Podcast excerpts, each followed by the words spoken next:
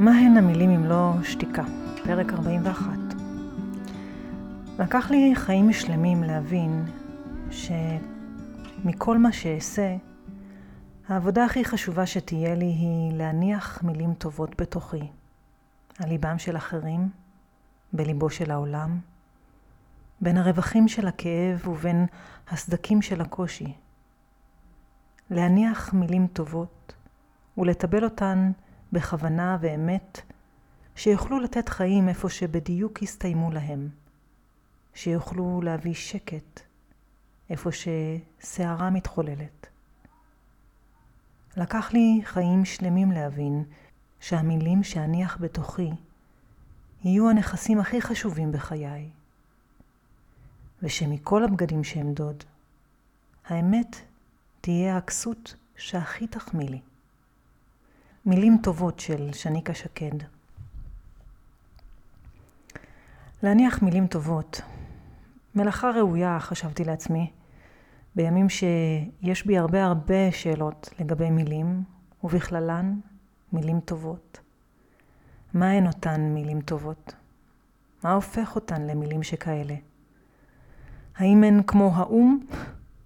ושוב מילה שאמורה לסמל ניטרליות, אבל הניטרליות כבר אבדה ממנה מזמן.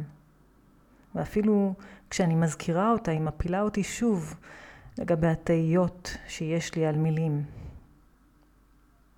אז מה הן מילים טובות? כי נראה שהמילים חסרות משמעות עכשיו, בלא האוזניים השומעות אותן והלב המבחין, ואם כך, מה קורה להן במפגש הזה של מילים ולב? איך הן מתקבלות שם? מה מקומן? ברוכים הבאים לפודקאסט הירח לא נרטב. שמי שרון חסיד אדמוני, מורה ומתרגלת בדרך הזן, ואני משתפת אתכם בזן בימים של מלחמה. ואם מצאתם ערך בתוכן הזה, תעבירו את הפרק הזה הלאה, שעוד אנשים יוכלו לזרוע בתוכם זרעים של תקווה. כי את הכוח הזה אנחנו צריכים להרים אל מול כוחות האופל הקיצוניים בארץ הזו, ובכל המקומות מהנידחים ביותר להומים ביותר על פני הכדור הזה.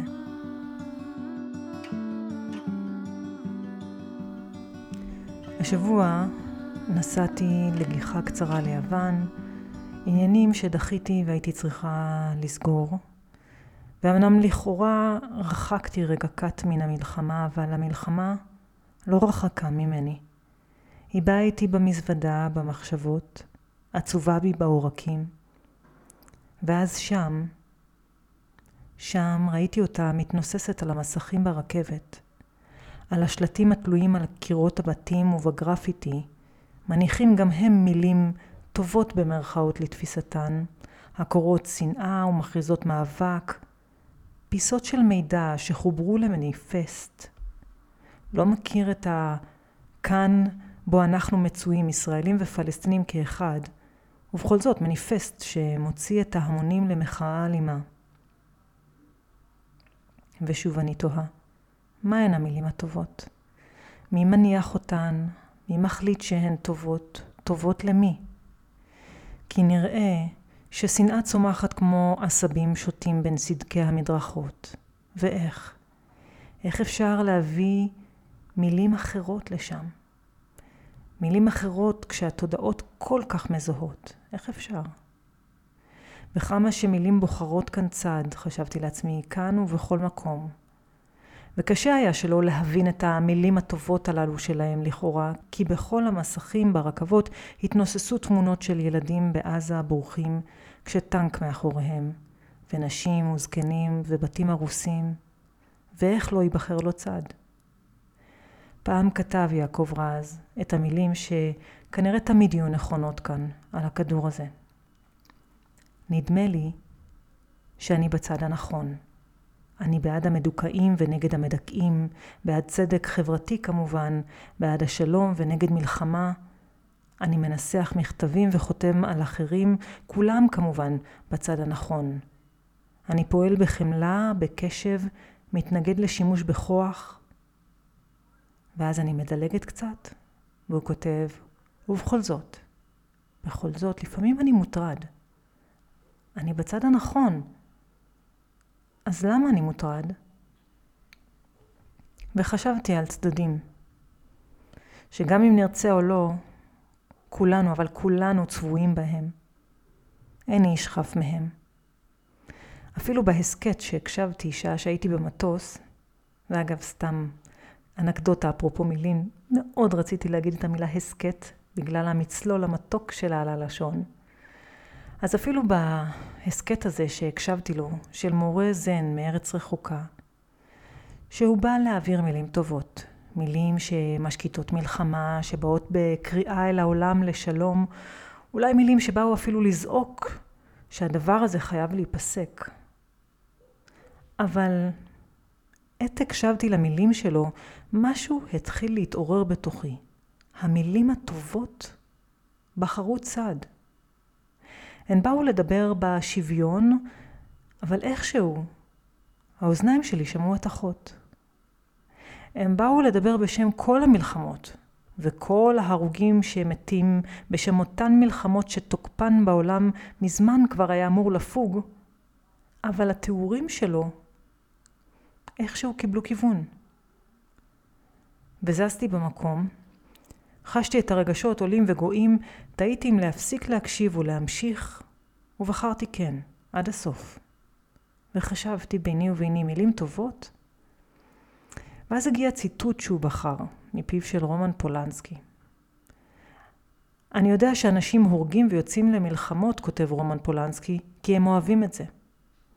זה הדבר שעלינו להפנים. זה חלק מהטבע האנושי, זה חלק מההישרדות שלנו. אנחנו בנויים כך. ויש את החלק האחר של האנושות, התודעה המתורבתת, שנאבקת ונלחמת בזה. אבל זה מוטבע בנו. לא היו מלחמות, כותב רומן פולנסקי, אילו אנשים לא היו רוצים במלחמות. אנשים נהנים להרוג. אנשים אוהבים ונהנים להילחם. והמילים שלו צרמו לי באוזניים. תמיד טוב לצטט יהודי ניצול שואה, במיוחד לאור זוועות, חשבתי לעצמי, והנה, הנה גם המילים שלי בוחרות צעד עכשיו, וטעמן טיפה מר. ובכל זאת אני שמה אותן כאן. האם מותר? האם הן טובות? ממלאות את הסדקים? מביאות חיים? מה הן? כששמעתי אותן, את המילים המצוטטות הללו, הבנתי עוד יותר לעומק את הלימוד הזה של הזן שמדגיש שכל פעולה נכונה לזמנה, גם המילים נכונות לזמנן בלבד. הן יוצאות מן ההקשר שלהן ותוקפן משתנה, ועוד יותר, הבנתי שאותן מילים שנאמרות כל כך מותנות באומר ובצד שהוא בוחר. ופתאום הערצתי את השתיקה. וחשבתי גם על האוזניים שלי, האוזניים ששומעות, שגם הן בוחרות צד ותהיתי. האם באמת אני שומעת התחות? או אולי זה הלב שמתרגם אותם אחרת, כי אני בצד. בצד שאני בחרתי או נבחרתי אליו. אני כאן והם שם, והוא, הוא בכלל בארץ רחוקה. ועצב גדול עלה עם ההבנה הזו. הלימוד הזה של הזן שמבקש ומזמין לראות צלול, לא יהיה צלול לחלוטין לעולם, הבנתי. כי תמיד ישנה הטיה. וכמה חזקה ובוהקת עכשיו ההבנה הזו. או כמו בהמשכו של הטקסט שהזכרתי קודם של יעקב רז, ומישהו לוחש לי, הטרדה שלך אינה בשל היותך בצד הנכון או חלילה בצד הלא נכון. הטרדה שלך היא בשל היותך בצד כלשהו. וכאבתי. כאבתי את הצדדים ואת שבריהם, ואפילו שאותו מורה זן הודה שהוא חוטא במרכאות באותה הטפה על מוסריות שיודעת מה נכון עבור כל הצדדים, כאבתי עוד יותר את העולם על כל האחיזה הזו בידיעות שלא באמת יודעות. כי איש לא ידע באמת מה חשו אלה שהיו בבארי, כפר עזה, ניר עוז או שדרות באותו יום. ואיש לא ידע מה חשים אלה שבורחים עכשיו בעזה, ואיש לא ידע מה חש עכשיו החייל החשוף שהולך ברחובות של העיר שלא ביקש להיות בה מעולם. איש לא ידע. ואיפה נעלמה הצניעות? אני, אני יכולה להעיד על תחושותיי שלי, וגם הן משתנות, מתקהות, נעלמות לתחושות הבאות. אז מה המשמעות במילים? בטענה למוסריות הגבוהה של אותו מורה. רק אחת התלמידות שלי ביטאה בכנות מופלאה את הבלבול, הקונפליקט והספק שלה אל מול הדרך, התרגול, המילים. אני קוראת את מילותיו של טיך נתן, היא אמרה, שקוראות להפסיק כל הרג, לא לפגוע באחר, לא לשלח איש להרוג, לשמר חיים ולא לגרום נזק. ואני, היא אומרת, אני שמחה בחיילים, מתרגשת לקראתם, שולחת אותם במרכאות אלי קרב, לשמור על הארץ הזו, על תושביה. ומה זה אומר עליי? איך המורה הגדול הזה, טיך נתן, שנכח במלחמות בווייטנאם, קורא להפסקת כל הרג, ואני, אני שמחה בחיילים, היא שואלת בכנות. כששמעתי אותה, הודיתי לה על הלימוד הזה ועל לימוד הזן. כי כשנשאל מורה על דבריו של מורה אחר בזן, המורה ישלח אותך בחזרה אל אותו מורה. הייתי אמורה לשלוח אותה בחזרה אל תכנתן.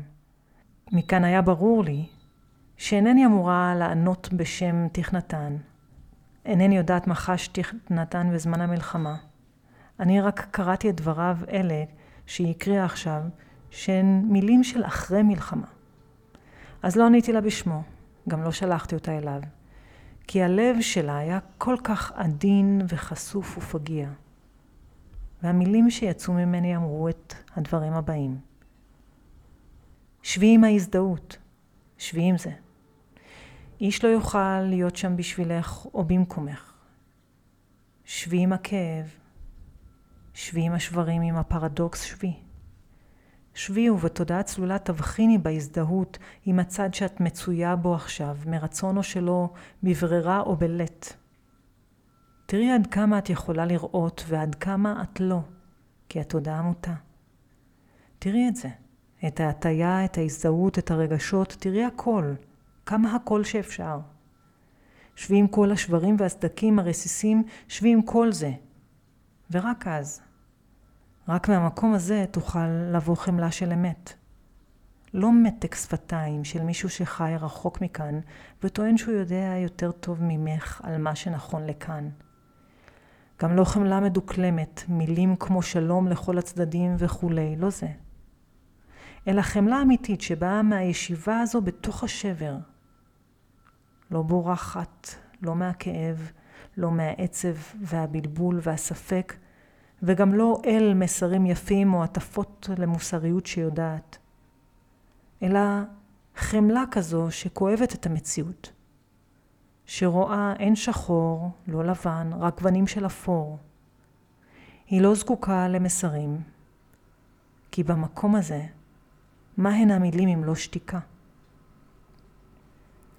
רק שתדעי את זה עד תום, את כל הקונפליקטים שבזה, רק מתוך החוויה הזו בבשר, שהיא לא נוחה לאף אחד, תוכלי לפעול אחרת, וכן, אולי אפילו לשלום.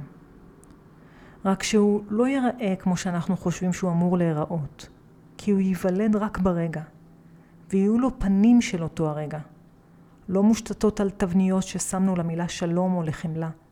וזה אולי יהיה הניצחון האישי שלך על התודעה שלך. ואת זה אולי תוכלי להביא לאחרים בצניעות, לא כמסר של מילים, אלא כי תהיי העדות לזה, עדות חיה של מתרגלת זן בימים של מלחמה. מלחמה שמלמדת אותנו יותר מכל את כוחה של אי הידיעה, וכמה חשוב שנחבור אליה, אלא לא לדעת. והנה, הנה גם אני הנחתי מילים. ואולי הן טובות. אולי, אני כבר לא יודעת מה זה טובות. אבל הן כן באו מהלב, ואולי הם יגיעו אל לב העולם. הנחתי אותם ללא ספק בין הרווחים של הכאב שלי לפחות ובין הסדקים של הקושי. הן לא יפיחו חיים לצערי במקום בו המוות ביקר, אבל הן מילים חיות ללא ספק, שלא בורחות, לא בורחות ממה שעכשיו.